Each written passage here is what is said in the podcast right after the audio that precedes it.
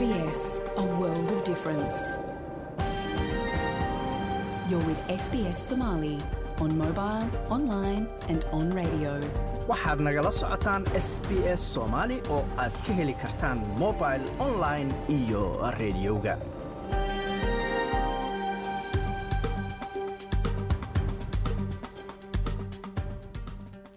habeen wanaagsan dhammaantiinba meel kastoo aad joogtaan waa habeen arbacaa bisha oktoobarna ay tahay labaatan iyo lix sannadka labada kun iyo labaiyo labaatanka halkaad naga dhegaysanaysaanna waa laanta af soomaaliga ee idaacadda s b s oo idinkaga imanaysa stuudiogaanu ku leenahay magaalada melbourne. Magacayguna waa xasan jaamac. Waxyaalaha aad idaacadda caawa ku maqli doontaanna waxaa ka mida dowladda leybarka federaalka dalkan australia oo soo bandhigtay miisaaniyaddeedii ugu horreysay. Madaxda caalamka oo u hambaliyeeyey ra'iisul wasaaraha cusub ee britain rishi sunak iyo weliba xildhibaanad ka tirsan dowlad deegaanka soomaalida etoobiya oo lagu dilay garoonka magaalada jigjiga iyo wararkii soomaaliya. Marka horese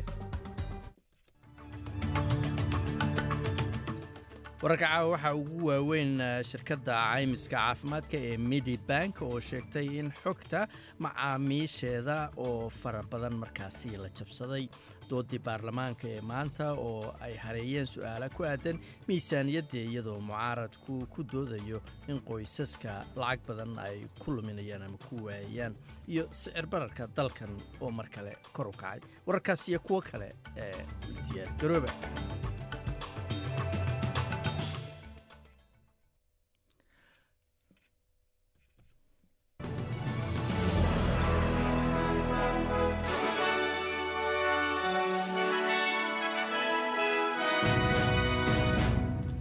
haddana waa warkii oo dhammaystiran madaxa shirkadda caymiska caafimaadka ee medibanki la yidhaahdo ayaa sheegtay in xogta shirkadda ee la jabsaday ay ka daran tahay ama ka xun tahay sidii markii hore la moodayey shirkaddan caymiska caafimaadka oo aan lahayn siyaasad iyadu leedahay oo ay isaga difaacdo dembiilayaasha kombyuutarada jabsada ayaa maanta oo arbacaha xaqiijisay in dhammaan xogtii macaamiisheeda loo dhacay bilowgii hore waxaa la qiyaasayey in afar milyan oo qof ay xogta markaasi la jabsaday saamaysay.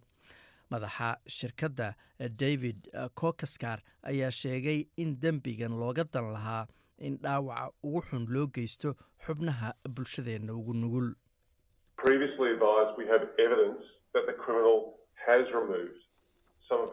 Sidii hore ama markii hore waxaanu ogeyn inaannu hayno caddaymo muujinaya in dembiilayaashu ay la baxeen qaar ka mid ah macaamiisha xogtooda gaarkaa ee caafimaad. waxayna u badan tahay in dembiilayaashu ay xadeen xogo macluumaad gaara oo dheeraada. Sidaas daraaddeedna waa inaannu filanno in macaamiisheenna ay arrintan saamaysay ay sii kordhaan. Tani waa dembi aad u xun ayuu yidhi. Doodii baarlamaanka dalkan australia ee maanta ayaa waxaa hareeyey su'aalo ku aadan miisaaniyadda iyadoo mucaaradku ku dooday in qoysaska lacag badan ay uga lumaysa ama ku waayayaan hogaamiyaha xisbiga mucaaradka ee federaalka peter dutton ayaa ku eedeeyey dowladda antony albanisi inay jebisay ballamihii ay qaaday markay ololaha doorashada ku jirtay ballamahaas oo ay ka mid ahayn in shacabka australia ay dhaqaale ahaan ka fiicnaanayaan marka dowladda leybarku ay xilka qabato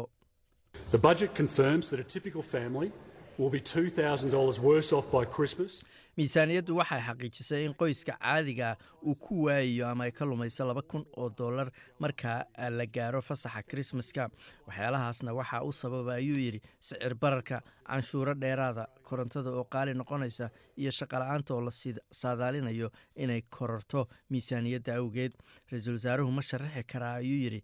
Wuxuu weydiiyey su'aala ra'iisul wasaaruhu ma sharaxi karaa sida labada kun oo dollar oo ka go'aysa miisaaniyadda qoysaska ay ugu fiican tahay shacabka australia.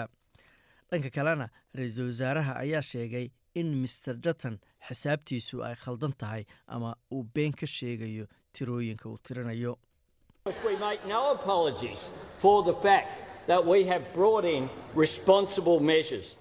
cidna kama raaligelinayna ayuu yidhi xaqiiqda ah inaannu keennay qorshayaal mas'uuliyadu ku jirto oo ay ka mid yihiin kuwa ku aadan maciishadda xanaanaynta carruurta oo qiimo jabanna mucaaradkuna xataa ma hubaan ayuu yidhi inay taageersan yihiin iyo inay ka soo horjeedaan.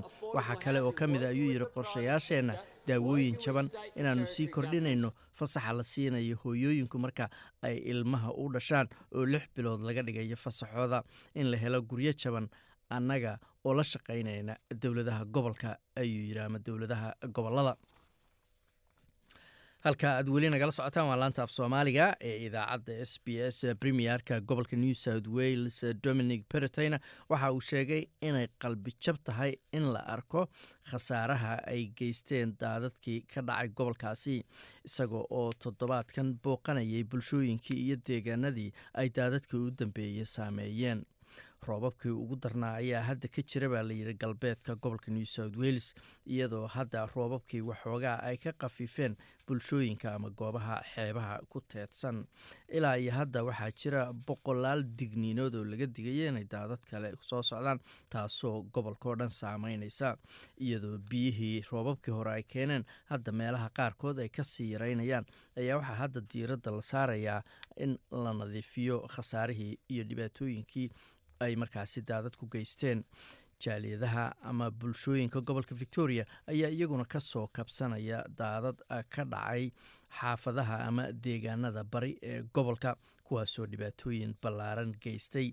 Dadka degan xaafadda lilidale oo melbourne ka tirsan ayaa waxaa saameeyey roobab mahiigaana oo afartan mililitir gaaraya iyadoo markaasi roobabkaasi ay deen soddon daqiiqo gudahood sarkaal ka tirsan saadaasha hawada ama xafiiska saadaasha hawada michael efron ayaa sheegay in weli roobabkaasi ay socdaan oo dhowaanahan aan laga nasan doonin roobabkaasi wararka kale dalka australiana sicir bararka ayaa mar kale gaaray ayaa layidhi toddoba dhibic saddex sanadkiiba toddoba dhibic saddex boqolkiiba sanadkiiba iyadoo uu kordhay saddexdii bilood ee u dambeysay ee sebtembar ay ku ekayd. Waxaana sababay ayaa la yidhi alaabada adduunyadu isu dhoofiso oo markaasi waqti badan qaadatay iyo tamarta ama qiimaha tamarta korontada iyo gaaska oo kor u kacay iyo sidoo kale alaabada adduunyadu isu dhoofiso oo qiimahoodu markaasi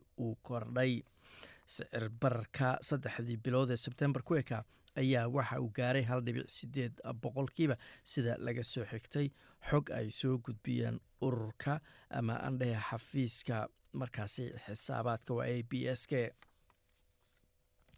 Weli wararka australia ayaanu ku jirnaaye askarta waardiyeynaysay mid ka mid a xabsiyada ugu waaweyn dalkan australia oo ku yaalla waqooyiga gobolka new south wales ayaa shaqo joojin sameeyey muddo afartan iyo sideed saacadooda iyagoo dalbanaya in shaqaalaha ka shaqeeya xabsigaasi la kordhiyo sidoo kalena mushaarkooda la kordhiyo.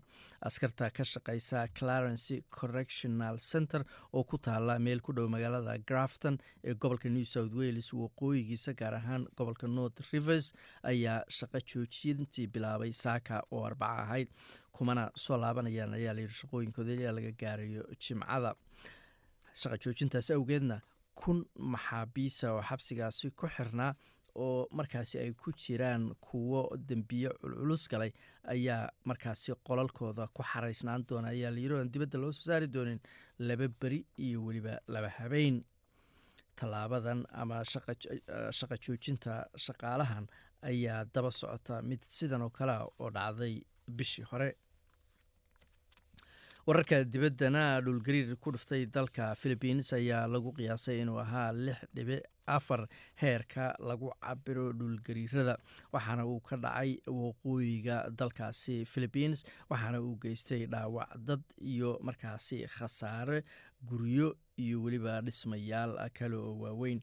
Sida laga soo xigtay maxadka qaabilsan arrimaha dhulgariirka ee dalka philibiins waxaa la sheegay in dhulgariirku uu ku dhuftay gobolkaasi tobankii iyo konton iyo sagaal daqiiqo oo habeennimo habeenkii talaadada ahayd isagoo ku dhuftay magaalada la yidhaahdo lagayaan abra oo ama gobolka lagayaan abra province la yidhaahdo oo saddex boqol iyo afartan iyo sideed kilomitr dhanka waqooyi ka xiga caasimadda manila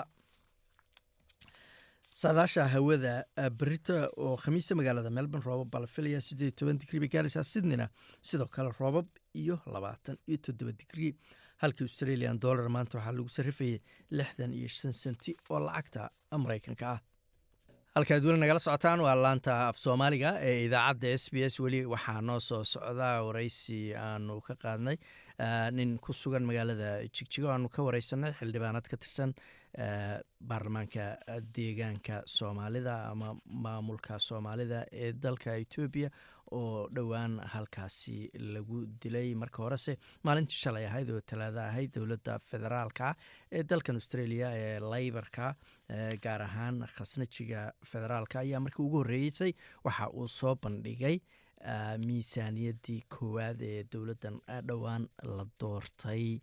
Haddaba dadka dhaqamada kala duwan iyo dadka dalkan loogu yimid maxaa ugu jira warbixin? Aanu ka diyaarinay waatan dowladda federaalka ee dalkan australia ayaa miisaaniyaddeedii koowaad waxay diiradda ku saartay bulshooyinka dalka loogu yimid iyadoo malaayiin doolar loo qoondeeyey in lagu taageero caafimaadka dadka dalkan loogu yimid sidii natiijo fiican looga gaari lahaa.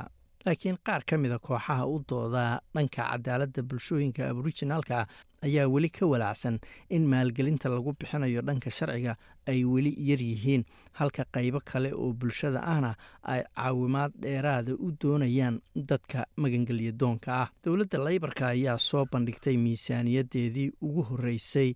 Haddaba maxaa ugu jira bulshooyinka dhaqamada kala duwan ee dalkan australia? Labaatan milyan oo dollar ayaa loo qoondeeyey afarta sano ee soo socota barnaamijyada luqadda ingiliishka lagu baro dadka soo galootiga ah. Laakiin xarunta asylum seaker resources center oo u ololeysa dadka soo galootiga iyo qaxootiga ayaa ka digtay in taageeradu ay go-i doonto marka qorshahan uu dhammaado. Ku dhowaad siddeed iyo toban milyan oo dollar ayaa lagu bixinayaa isla wakhtigaas in la aasaaso barnaamij deeqo lagu siinayo barashada luqadaha bulshada si looga caawiyo bulshada australia inay bartaan luqad labaad dowladda ayaa sidoo kale sheegtay inay hal milyan oo dollar ku bixinayso labada sano ee soo socota dib u eegid lagu samayn doono siyaasadaha dhaqamada kala duwan ee dalkan australia tan oo qayb ka ah dadaal lagu doonayo in lagu xoojiyo isdhexgalka bulshada carlo carli oo hore u ahaan jiray siyaasi laybara haddana madax ka ah dalladda golaha bulshooyinka jinsiyadaha ee australia ayaa sheegay inuu soo dhoweynayo lacagta lagu maalgelinayo dib u eegidda siyaasadaha dhaqamada kala duwan laakiin wuxuu su'aal ka keenay waxa ay hal milyan oo keliya qaban karto the important thing is it's being done. I mean, the, the whole framework of multiculturalism, where multiculturalism sits in government, in the, in the machinery. arrinta muhiimka ah waa in dib u eegiddan la sameeyey waxaana ula jeedaa qaab dhismeedka dhaqamada kala duwan iyo meesha ay kaga jirto nidaamka dawliga ah. Marka laga hadlayo adeegyada jira marka dib u eegiddan waa muhiim waxaana is leeyahay waxaanu arki doonaa waa in dhammaan ururada dhaqamada kala duwan ay jeebkooda gacanta geliyaan si ay uga qayb qaataan nidaamkan sababtoo ah hal milyan meel fog gaari maysa ayuu yidri dowladda albanisi ayaa sidoo kale ballaarinaysa barnaamijka dadka soo galootiga ee si joogtaa dalkan u dega iyadoo sidoo kale rajaynaysa in la dhimo daahidda weyn ee ka jirta araajida fiisooyinka.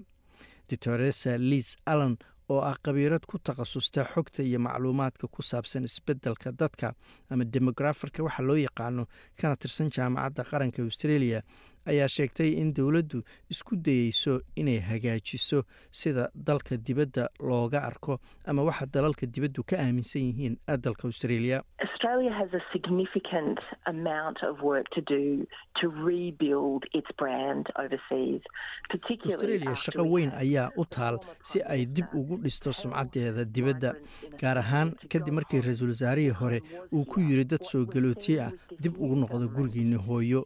gurigoodii waa halkan.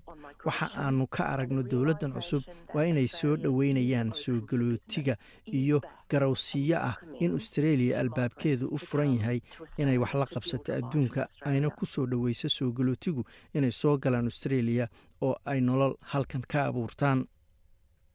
Shan boqol iyo toddobaatan iyo lix milyan oo dollar oo kale ayaa afarta sano ee soo socda. Wasaaradda arrimaha guduhu ay u isticmaali doontaa in araajida fiisooyinka go'aan laga gaaro laguna daboolo baahida maalgelineed ee ka jirta xeryaha dibadda ee lagu hayo qaxootiga iyo in la taageero qaxootigaasi. Waa kan mar kale carlo carli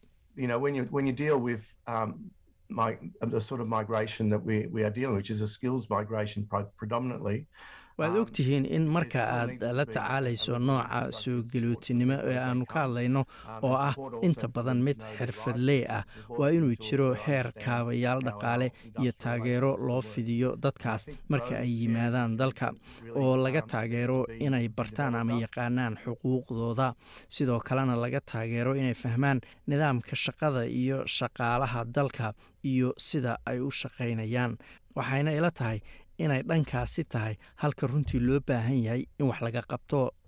Hase yeeshee ditoresa allan ayaa sheegtay inay ka xun tahay inay aragtay in australia ay aada u dambayso marka laga hadlayo arrimaha dibudejinta qaxootiga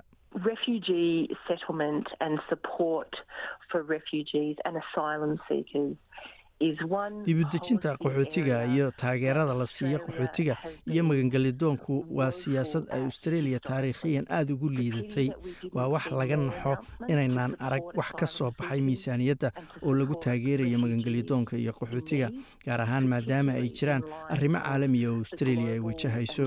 laakiin rajo ayaan ka qabaa in mar uun mustaqbalka aan fogeyn aanu aragno tallaabooyin dheeraada oo lagu taageeraya magangelyadoonka iyo qaxootiga ayay tiri boqolaal milyan oo dollar ayaa lagu bixinayaa caafimaadka guryaha iyo dhanka cadaaladda bulshooyinka dalka loogu yimid iyo weliba codka la doonayo in baarlamaanka la mariyo oo bulshooyinkaasi xuquuq laga siiyo baarlamaanka shanta sane ee soo socda saddex boqol iyo afar iyo toban milyan oo dollar ayaa meel loo saaray caafimaadka bulshooyinka dalka loogu yimid. Iyadoo hore loo ballanqaaday in codka bulshadaasi dalka loogu yimid lagu daro dastuurka taasina qayb weyn ay ka ahayd ballamihii uu leybarku galay markuu ololaha doorashada ku jiray ayay dowladdu toddobaatan iyo shan milyan oo dollar u qoondaysay diyaarinta afti loo qabta arrintaasi. Guriyeynta ama guryaha ayaa helaya lacago dheeraada kadib markii dowladda federaalku ay heshiis la gashay dowladda northern territory oo ay ku heshiiyeen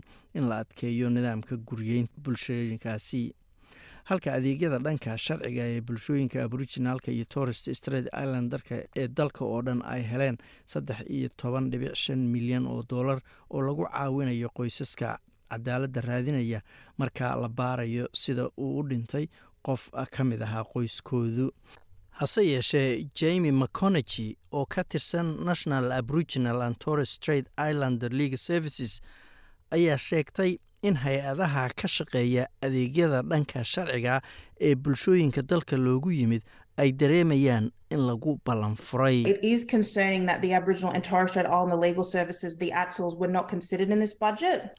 Waa arrin walaac leh in adeegyada dhanka sharciga ee bulshooyinka aboriginaalka iyo torres straight islandarka aan lagu xusin miisaaniyadda. Maalgelin la'aanta adeegyada waxay keenaysaa inuu sii socdo cadaadiska saaran.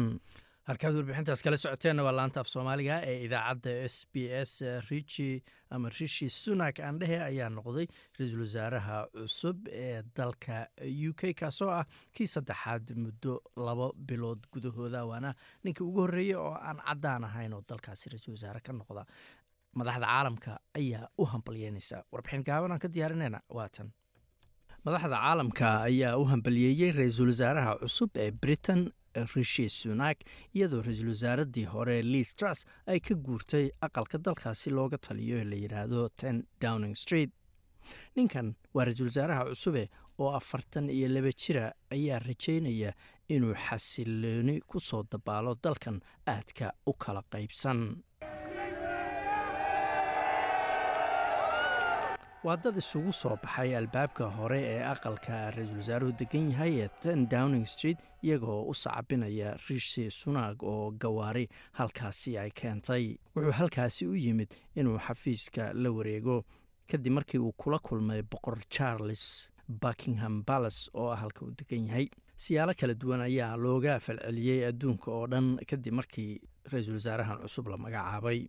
Rish zunak oo noqonaya ra'iisul wasaarihii ugu da-da yaraa muddo laba boqol oo sanaa oo loo doorto dalka u k sidoo kalena waxa uu noqonayaa kii ugu horreeyey oo aan ahayn caddaan. Sidoo kale waxa uu noqonayaa ra'iisul wasaarihii saddexaad muddo laba bilood gudahooda. Wuxuuna ballan qaaday inuu dalka ku hogaaminayo siduu uga saari lahaa dhaqaale xumada daran ee haysata dibna uu u soo dhisi lahaa kalsoonida lagu qabay siyaasiyiinta iyo siyaasadda dalka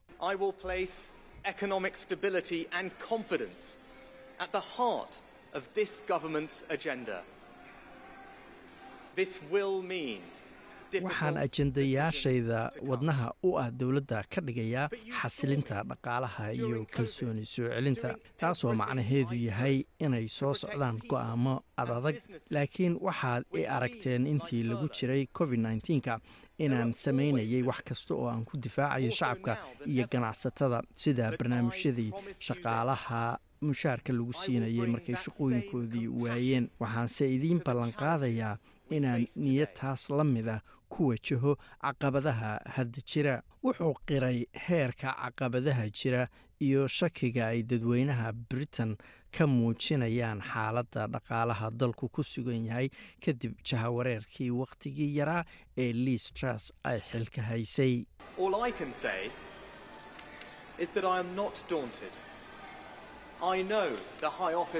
Waxaan idin leeyahay kama cabsi qabo shaqada adag ee hortaalla waan ogahay xilka sare ee aan aqbalay waxaana rajaynayaa inaan ka soo baxo xilkaasi.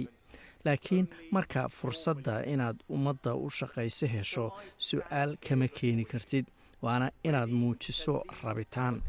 Marka waxaa halkan aan idiin hortaaganahay inaan dalkeenna hogaamiyo mustaqbalka inaan baahidiinna ka hormariyo siyaasadda inaan dhiso dowlad ka turjumaysa dhaqanka ugu fiican xisbigayga.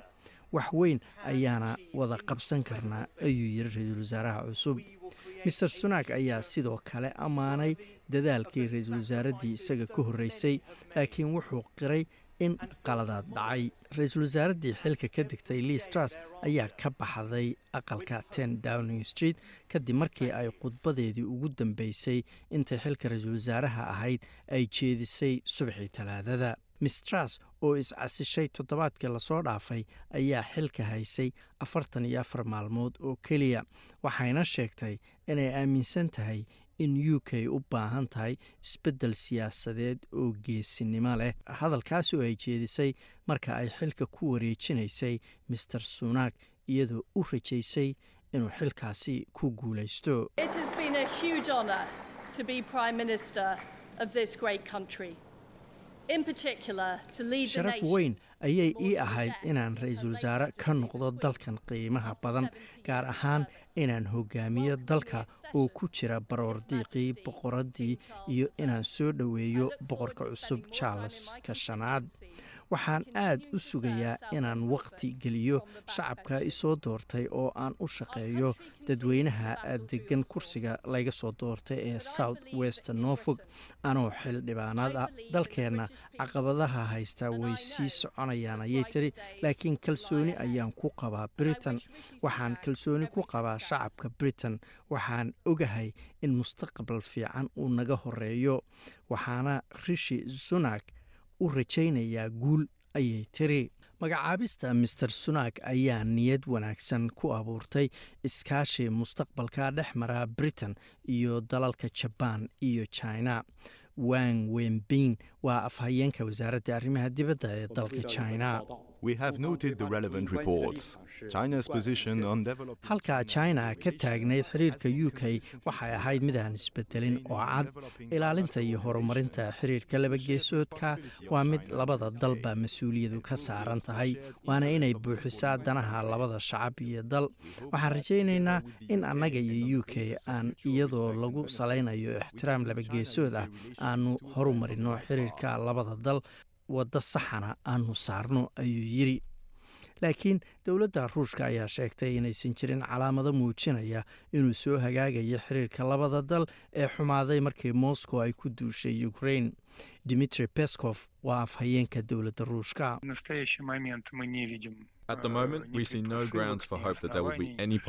hadda uma jeedno wax rajo ah oo laga qabo in isbeddel fiican ku dhaco xiriirka ruushka iyo u k mustaqbalka dhow ruushku diyaar ayuu u yahay inuu miiska fadhiisto oo ka wada hadlo arrimaha aad adag ee labada dal ka dhexeeya laakiin wadahadal kama gelayno wax dhaawacaya danaheenna ayuu yidhi madaxa guddiga midowda yurub ursula von derleyn madaxweynaha faransiiska emmanuel macron iyo ra'iisul wasaaraha belgium alexander de crow ayaa ka mida madaxda yurub ee u hambaliyeysay ra'iisul wasaaraha cusub. Dadka kale ee u hambaliyeeyey master sunak waxaa ka mid ahaa ra'iisul wasaarihii hore boris johnson maadaama uu yahay hogaamiyihii ugu horreeyey britain oo asalkiisu ka soo jeeda hindiyana ra'iisul wasaaraha hindiya narendra modi ayaa sidoo kale hambalyo u diray. Halkaas safiirka britain u jooga hindiya alex ellis uu ku dooday in magacaabidda master sunak ay ka turjumayso isbeddelka dhanka dhaqanka ee ka dhacay dalka u k.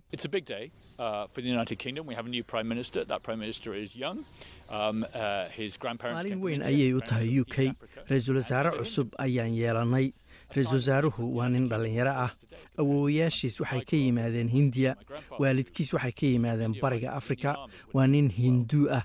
Tani waa mid astaan u ah u k-da maanta jirta inay ka duwan tahay tii aan anugu ku soo koray ama awowgay oo halkan u yimid waa hindiye inuu la dagaalamay ciidanka hindiya marka waa dal aad uga duwan u k-dii hore waana maalin weyn oo u baahan in la xuso ayuu yidhi safiirku. Khasnajiga federaalka ee dalkan australia jim chalmers ayaa sidoo kale u hambaliyeeyey master sunak isagoo sheegay inuu sugayo ama aad u sugayo la shaqaynta ra'iisul wasaaraha cusub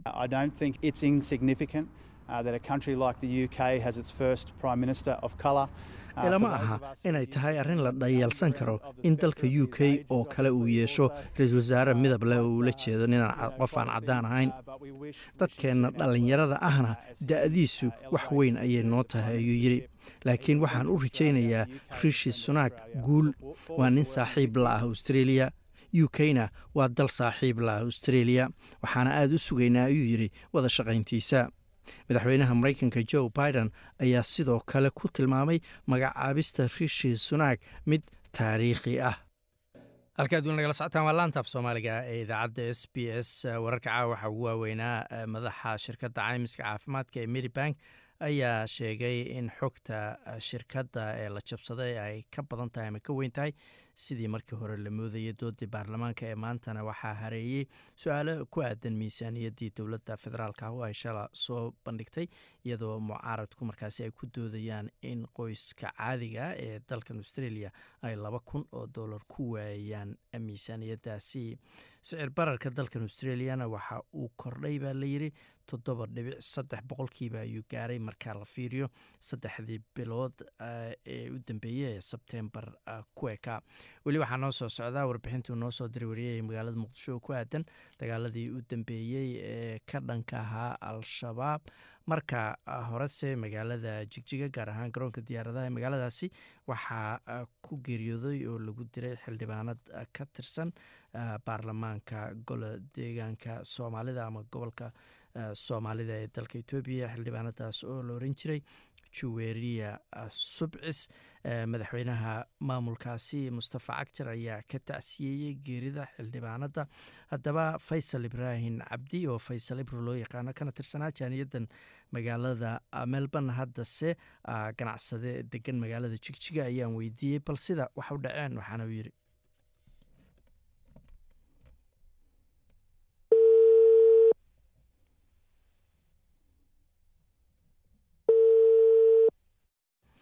raalli ahaada waanu ku soo noqon doonaa haddii la yiraahdo. Marka horese magaalada garaacad ee gobolka mudug waxaa laga furay deked cusub maalintii maalintii sabtida ahayd ee la soo dhaafay. Muhiimadda iyo qudbooyinkii laga jeediyay halkaas aan marka hore warbixintaas ayaan iniisoo daynaya marka hore. Waxaa maalintii sabtida ahayd ee bisha oktoobar ay ahayd labaiyo labaatanka xarigga laga jaray dekedda cusub ee garacad mashruuca dhismaha dekeddan oo soo socday laga soo bilaabo sannadkii labadi kun tobankii ayaa ahaa fikradda ganacsato soomaaliya oo iyagu go'aan ku gaaray inay rumeeyaan riyo iyo hami dheer oo soo socday muddo kontomeeya sana ah. Wuxuuna ku bilowday mashruuca dekeddu shan iyo labaatan ganacsataa oo kiiba bixiyey shan iyo labaatan kun oo dollar furitaanka wejiga hore ee dekedda ayaa waxaa ka soo qayb galay madax ka kala yimid dowladaha deriska ah dowladda federaalka soomaaliya iyo maamul goboleedyada qaarkood. Qorshaha dheer ee dhismaha dekedda ayaa waxaa sidoo kale ka mid a waxaa loo bixiyey tri g corridor oo ah waddo isku xirta dekedda iyo tuurdibi oo ku dhow goldogob siina dhex mari doonta magaalada gaalkacyo tuurdibi ayaa ku taalla xadka u dhexeeya etoobiya iyo soomaaliya halkaas oo lagu wado in laga dhiso waxa loo yaqaano deked qallalan oo ah goob lagula kala wareego badeecadaha laga soo dejiyey dekedda. Madaxda ka qayb gashay xarig jarka dekedda waxaa ka mid ahaa wasiirka dekedda dowladda federaalka ee soomaaliya cabdulaahi axmed jaamac ilkajiir waxaana uu sheegay in dekeddu ay tahay mid ku xiran dowladda federaalka ah. Garaacad waa ku xidhan tahay muxuuaha federaalka. Waana rajaynaa muxuaha inta kale ee boosaaso iyo kismaayona inay nagu soo xidhmaan si dhaqsa haddii alla yari. Waa intaan u soconno dhisidda dekedda garacad ayaa waxaa maamula shirkadda wadaagsan waxaana qaybtan hore la diyaariyey laba jembi iyadoo ay hareen laba kale. Waxaa xarig jarka qayb ka ahaa inuu ku soo xirtay dekedda markab qaada sagaal kun oo tan oo xamuula. Waxaase markii la dhammaystiro ku soo xiran kara maraakiib qaadi karta afartan kun oo tan. Mashruucan ayaa ku suurta galay iskaashiga shacabka ganacsatada iyo dowladda puntland waxaana loo isticmaali doonaa dhoofinta xoolaha iyo soo dejinta badeecooyinka kala duwan. Wufuudda ka soo qayb gashay xarig jaridda waxaa ka mid ahaa wafdi kenya ka socday oo uu hogaaminayey wasiirka gaashaandhigga dowladda kenya mudane aadan abare ducaale. Wuxuuna goobta ku ballan qaaday in kenya ay u diyaar tahay inay shaqaalaha dekedda u fidiso tababarada sida loo maamulo dekedaha oo ay bixiso college ku taalla magaalada mombasa. Wasiirka ayaa sheegay in mashruucanu yahay kii ugu horreeyey oo noociisoo kale ah oo ganacsato iyagu isxilqaameen ay dhiseen. Inaan ku faraxsannahay inay ganacsatada ama private sectorga ay isku imaan karaan oo deked noocan dhisi karaan. Hadda weli laguma arkin east and the horn of africa. Marka waxay noqonaysaa case study. Waxaa rabaa ragga iyo haweenka dekedan dhiseen in loo duceeyo la garab istaago. Dowladaha dowladda puntland iyo dowladda sare ee soomaaliya ay garab u noqoto dowladda etoobiya oo lagu wado inay noqon doonto dalka aad uga faa'iidi doona dekedda garacad ayaa waxaa xarig jarka ku matalayay wasiiro ka socda dowladda federaalka iyo madaxweynaha dowlad deegaanka soomaalida mustafe maxamed cumar cagjar madaxweyne cagjar ayaa sheegay in isku xirka dowlad deegaanka soomaalida iyo dekeddu uu horeba u bilowday haddana ay soo wadaan wadooyin cusub oo fududayn doona ganacsiga labada dhinac in waddo laamiya oo isku xidha magaalada qabridahar iyo wardheer ay hadda dhammaad tahay oo ay dhammaanayso. Taasoo jirta inay jirto waddo kale oo la qorsheeyey oo ka soo bixi doonta dhagaxbuur awaare danood ilaa iyo gallaadi imanaysa oo iyaduna ku jirta qorshaha in la sameeyo. Waxaa loo baahnaan doonaa in la soo gaarsiiya ilaa tuurdibi laakiin shaqadaasi marka ay dhammaato waxay xoojin doontaa ka shaqaysiinta dekedan haddii aa la yidhaah. Sidaad la socotaan dalka etoobiya waa dal shacab fara badan leh ganacsi badan ka socdo dhaqaaluhu korayo. Waxaa sii kordhi doonta baahida loo qabo in la isticmaalo dekedo fara badan. Madaxweynaha maamul goboleedka koonfur galbeed cabdicasiis xasan maxamed laftagareen oo xafladda ka soo qayb galay isagoo hogaaminayay wafdi ka socda maamulkiisa ayaa sheegay in arrintani ay tahay mid lagu daydo. Marka waxay tan tahay taariikh fiican oo nala tusay oo u baahan inaan ka faa'iidaysanno wax ku dayasho mudan baa la suubiyey. Ganacsatada kaleo soomaaliyeedna ay ku tashadaan gaar ahaan waa joogaan ganacsatadii reer koonfur galbeed.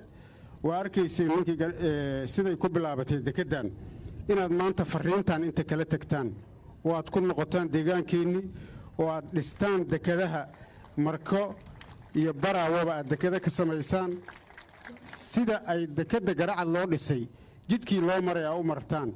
Dadkii waa joogaa dhaqaalihii waa jiraan ganacsatadii waa jirtaa dad kaloo soomaaliyeed baa hataa la heli karaa. Soomaali waxay leedahay noqonaysaa.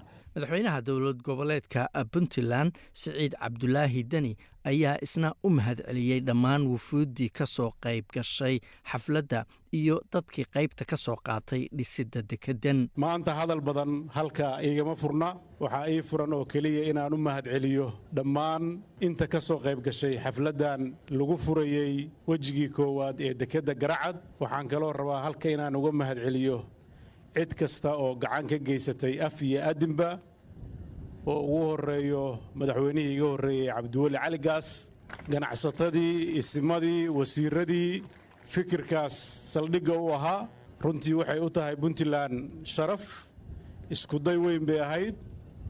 Waxaa saldhig u ahaa inay dekeddan maanta hirgasho go'aankii dowladda puntland ay qaadatay iyo hantidii ugu horraysay oo dowladda puntland ay gelisay in lagu bilaabo ganacsatadii ku dhiiratay iyo guddigii hawshaas fikraddeeda riixayay oo runtii maanta sharafta u weyn ee iyagu leeyihiin ee wadaagsin.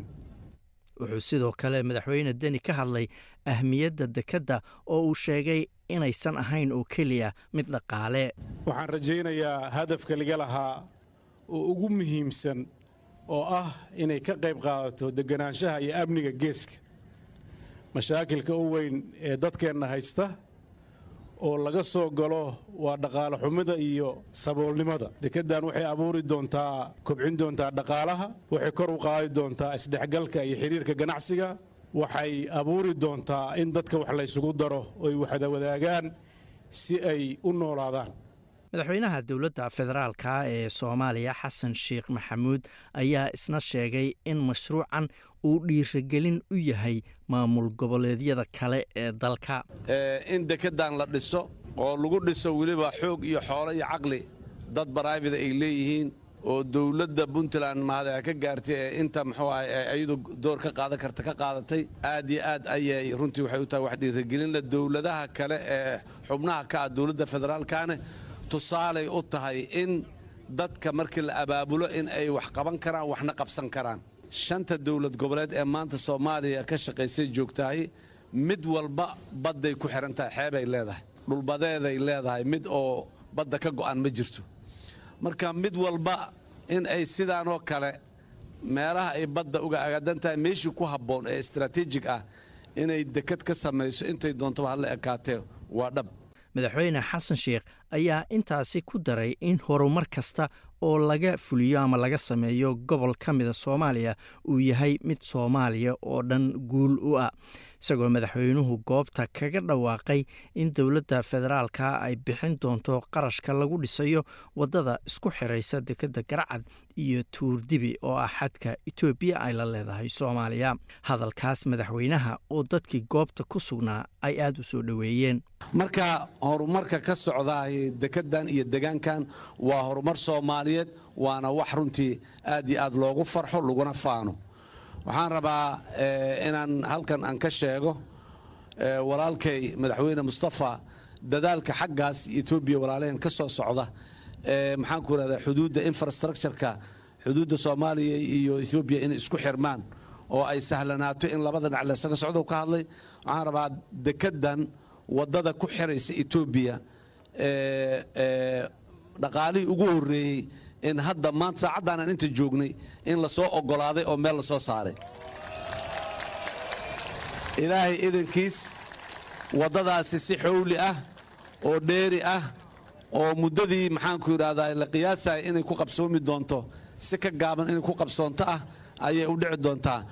Waana u taagnaanaynaa harya habeen in ay dhaqan gasho oo waddo fiican oo maxaanku yidhahdaa miisaanka iyo muhiimadda dekeddan leedahay qaadi karta inay noqoto haddii alla yidhaah halkaad kala socoteen warbixintaasna waa laantaaf soomaaliga ee idaacadda s b s. Waxaan dib ugu noqonaynaa warbixintii hore. Aanaynu kuu ballanqaadnay oo ahayd xildhibaanad ka tirsan dowlad deegaanka soomaalida dalka etoobiya oo magaceeda layidhahdo jawaariya subcis ayaa lagu dilay garoonka diyaaradaha ee magaalada jigjiga oo layidhahdo garaad wiilwaal airporti. Waxaa ka tacsiyeeyey madaxweynaha maamulkaasi mustafa cagjar haddaba faysal ibraahim cabdi faysal ibro la yidhaahdo oo ka tirsanaa jaaliyadda magaalada melbourne. Haddase a ganacsade isagoo degan magaalada jigjiga ayaan weydiiyey bal sida wax u dhaceen waxaanuu yidhi bismillahi raxmaan raxiim walaal arrin naxdin leh oo culus baa shalay dhacday.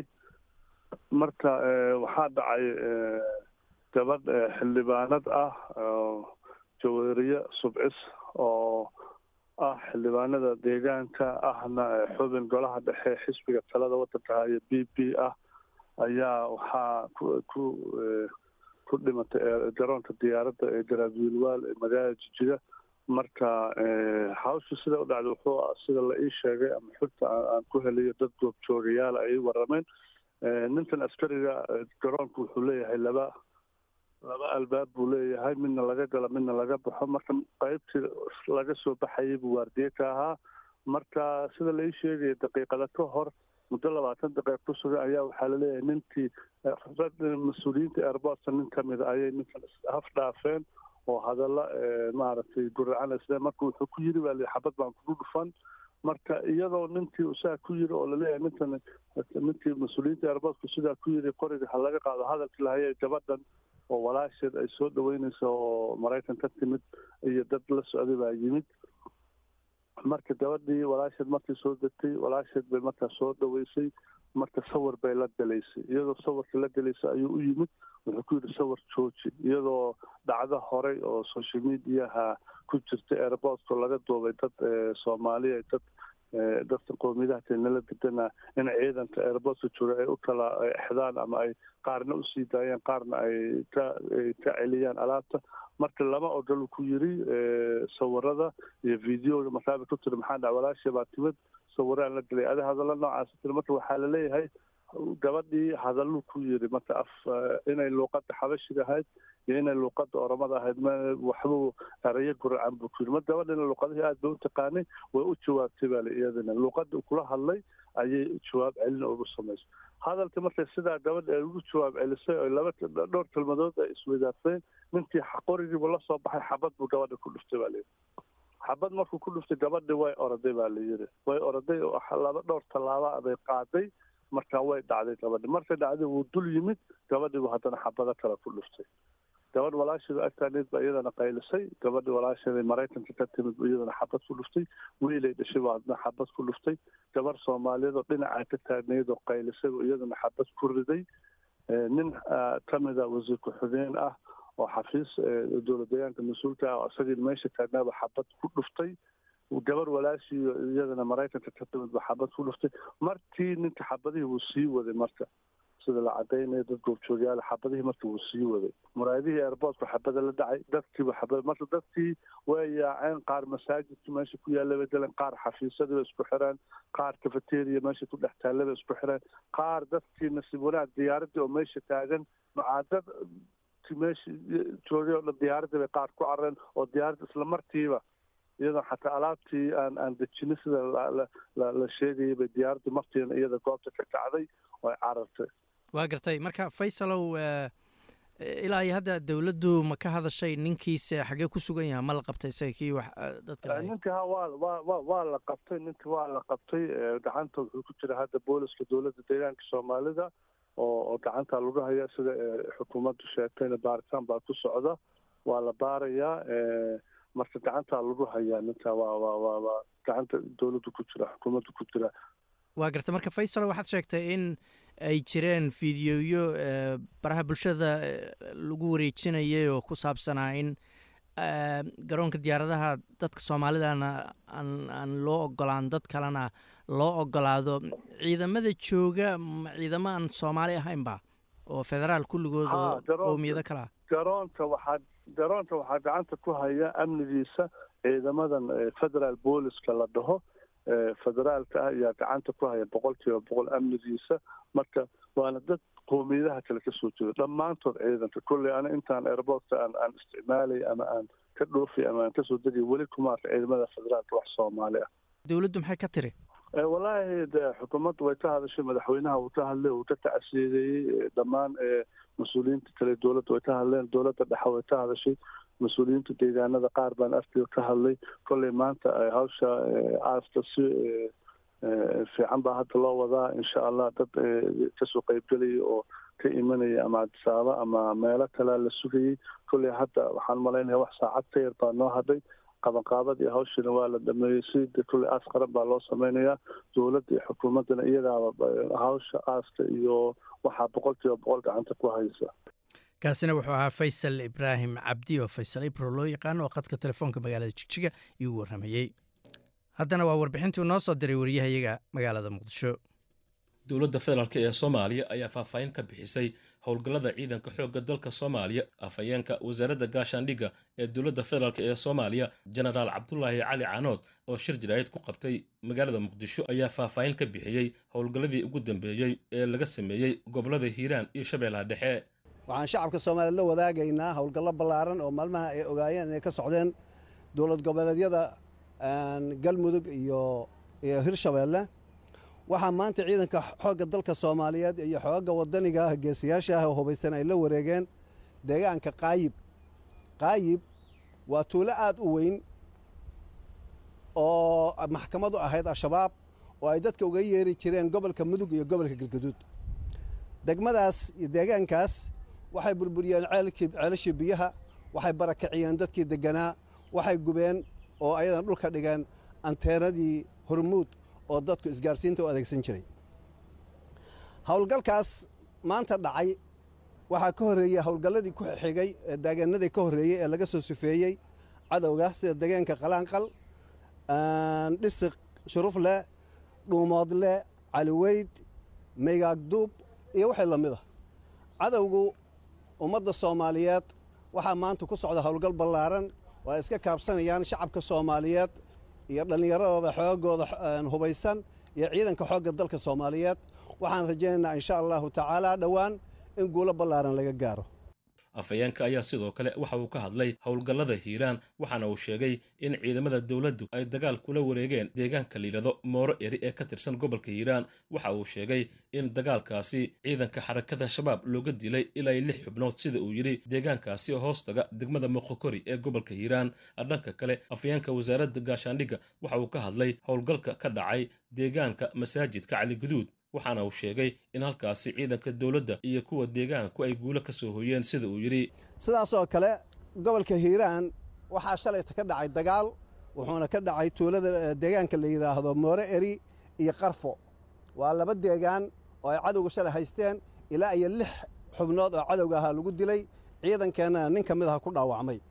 Ka ayagana guul baa laga gaaray waa deegaanka moqorkori oo waddada u baxda dhanka aadan yabaal oo ay ugu tala galeen inaan xiriirka aadan yabaal iyo moqorkori in la kala jaro ama hiiraan iyo shabeellada dhexe in la kala gooyo. Halkaasna guul aad u ballaaran baa laga soo gaaray. Dhanka shabeellada dhexe howlgalladii ka socsocday ee burburinta jiidaha xooggan ee cadowga masaajid caliguduud duqayntii iyo burburintii baa ku socota jiidaha cadowga deegaankaas. Masaajid caliguduud waxay u tahay istaraatiiji cadowga waxayna doonayaan inay ka difaacaan galmudug iyo intay hirshabeelle ka haystaan. Waana meeshii ay ka qaadan jireen canshuurta ee isugu xiri jirtay gobolka banaadir gobolka shabeellada dhexe iyo gobolka galguduud. Halkaas burburin xoog badan baa ku socota walina duqayntu way ku socotaa duqayntaasi waxaa hogaaminayay ciidanka xoogga dalka iyo ciidanka nabadsugidda soomaaliyeed sida uu noogu sheegayba horey wasiirka xogeenkeenna wasaaradda warfaafinta dhanka kale shir ballaaran oo ay soo agaasintay wasaaradda diinta ee waqaafta ee xukuumadda federaalk soomaaliya islamarkaana ay ka qaybgaleen wasiirada wasaaradahaasi ee dowlad goboleedyada dalka ayaa ka furmay magaalada muqdisho.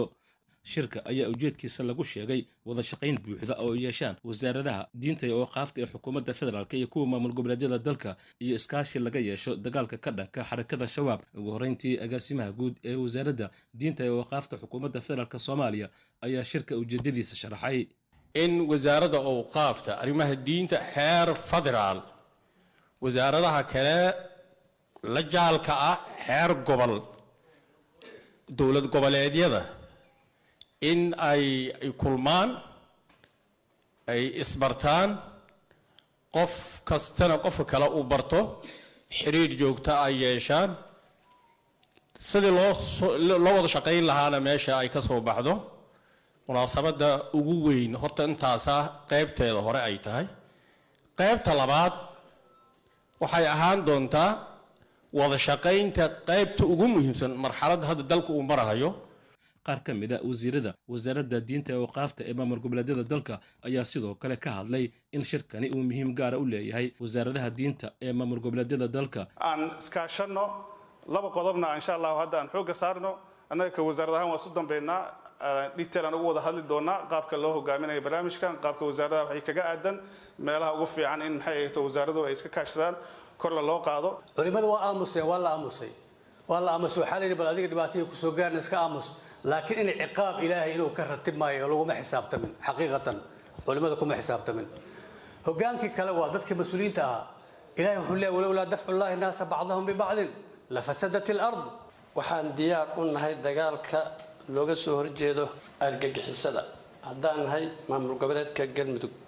Culummo iyo caamo iyo cunug yar iyo mid weyn intaba waxaan diyaar u nahay dagaalkaas in aan meesha ugu dambaysa insha allah la gaarno wasaarada wasaaradan maxaan ku ihahdaa xajka iyo salaada iyo nikaax iyo shuqul kuma lehe dadkan diinteeda dad wasaaradii loogu talagalay inay waardiyeyso waaye anna iyadaan ku kabannahay. Markii dadkan kitaabka ilaahay meesha ugu sarraysa la geeyo dalkan waa hagaaga. Ugu dambayn wasiirka wasaaradda diinta ee waqaafta xukuumadda federaalk soomaaliya sheekh mukhtaar roobow mansuur ayaa sheegay inuu aada ugu faraxsan yahay in wasiirada dowlad goboleedyada dalku ay aqbalaan. Qaybgalka shirkan oo uu sheegay in muhiimad gaara u leeyahay wasaaradaha diinta ee xukuumadda iyo kuwa maamul goboleedyada dalka waxaana u mahadceliyey odayaasha dhaqanka iyo guud ahaanba ka soo qaybgalayaasha shirkan oo uu ku dhawaaqay in uu furan yahay. Waxaad ogtihiin shirkan wuxuu ahaa wadatashi maamul goboleedyada wasaaradaha shu-uunu diiniya ee awqaafta ee maamul goboleedyada iyo xildhibaano iyo inta soo raacday oo iyo odayaal iyo culumoba in la isu yimaado iyo wasaaradii guud ee asalka ahayd iyo furuucdeeda in la isu yimaado la tashado la shuureeyo maxaa nala habboon in la yidhaahday ahayd. Shuuradu waxaad ogtihiin shareecadeenu meel weyn bay ku leedahay. Ilaahay wuxuu nabigiisa ku yidhi washaawirhum fi lmri waa nebi. Haddii cid ay shuuro ka maarmayso nebi moxamed baa ka maarmi lahaa sala allahu calayhi wasalam ilaahay isaga uu ku leeyahay isagoo mu'ayadun bilwaxyi ah washaawirhum fi lamri baa layidhi waxaan is leeyahay insha allahu tacaala shirkeenna.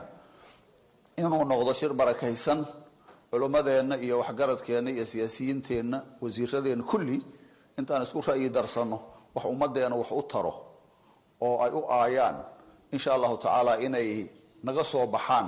Ayaan rajaynaynaa. Kolley aad baan ugu mahad celinayaa maamul goboleedyada dhammaan ee shirka yimid. Waan u mahad celinaynaa shirka insha allahu tacaala saacan laga bilaabo. Waa noo furan yahay. Dhanka kale madaxweynaha puntland siciid cabdulaahi deni oo khudbad ka jeediyey furitaanka kalfadhiga koobiyi kontonaad ee baarlamaanka puntland ayaa ka hadlay xaaladda guud ee dalka. Daadadkii dhowaan ku rogmaday deegaanka qarno ee puntland dagaalka ka dhanka xarakada shabaab iyo arrimo kale madaxweynaha puntland siciid cabdulaahi deni ayaa ugu horrayntii waxa uu ka hadlay daadadkii dhowaan ku rogmaday magaalada qardho taasi oo uu sheegay inay u saareen guddi soo qiimeeya waxyeelada halkaasi ka dhalatay intay la eg tahay sidoo kalena ay soo dhammaatay daraasad ku saabsan si xal waara looga gaaro daadadkaasi ku soo laalaatay deegaanada puntland. Marka hore waxaan ka tacsiyeynayaa daadadkii ku soo rogmaday magaalada qardho oo sababay khasaaro naf iyo maal. Waxaa xukuumaddu u dirtay guddi soo indhaindheeya arrimihii wixii dhacay waxaana lagu hayaa gacanta hagaajinta waddooyinka iyo nadiifinta magaalada. Waxaa sidoo kale soo idlaaday daraasadihii ku saabsanaa xalwahelidda ugu habboon ee looga gudbi karo daadadkaas iyadoo horu yaallaan dowladda caqabado badan oo ay u baahan tahay inay kala doorato oo qaybtood ay sababayso khasaare ka badan kii hore oo ah in guryo badan ay dumi doonaan. Marka daraasadaas hadba dhinac ayaa laga eegayey si loo yareeyo khasaaraha kale ee imaan kara waxaan rajaynayaa inay soo gebagaboosmi doonto dowladduna ay go'aanka ugu dambaysa qaadan doonto xilligan haddii la madaxweynaha puntland ayaa sidoo kale waxa uu sheegay in puntland degmooyin badan oo ka tirsan laga hirgelinayo doorasho qof iyo cod ah taasina ay tahay qorshaha xukuumaddiisa ay ku tallaabsan doonto. Sida aad wada ogsoon tihiin yoolka koowaad ee barnaamij siyaasadeedka xukuumaddu wuxuu ahaa isbeddel siyaasadeed oo laga hirgeliyo puntland laba kun sagaaliyo toban laba kun labaatan iyo afar. Haddaba waxaa la joogaa wakhtigii uu ka dhici lahaa puntland isbeddel siyaasadeedkii aanu soo sahminnay oo dhab ah lana taaban karo kaasoo ujeeddadiisu tahay in talada dadka dib loogu celiyo. Puntlandna laga hirgeliyo hannaanka dimuqraadiyadda sida aada wada ogsoon tihiin waxaa soo idlaaday geedigii koowaad ee doorashooyinka golayaasha degaanka oo laga furay hayaankii dimuqraadiyadda degmooyinka ayl qardho iyo ufayn. Haddaba xukuumaddu waxay diyaarisay geediga socodkii labaad ee doorashooyinka waxayna guddiga doorashooyinka ee ku-meelgaarka ah tibeg u gudbisay soddon iyo toddoba degmo oo laga qabanayo doorashada golayaasha degaanka kuwaasoo buuxiyey shuruudihii waxaa xusid mudan in ay guddiga ku-meelgaarka ee doorashooyinka tibeg ay u diyaarsan yihiin agab xirfad iyo farsamo ahaan ayna bilaabeen kuurgalka wacyiga iyo qiimaynta xaaladda qabsoomidda doorashada. Idaacaddeenii caawana intaas ayaanu ku soo gebagabaynaynaa waa aniga oo ah xasan jaamac wayna la intaas iyo nabadgelyo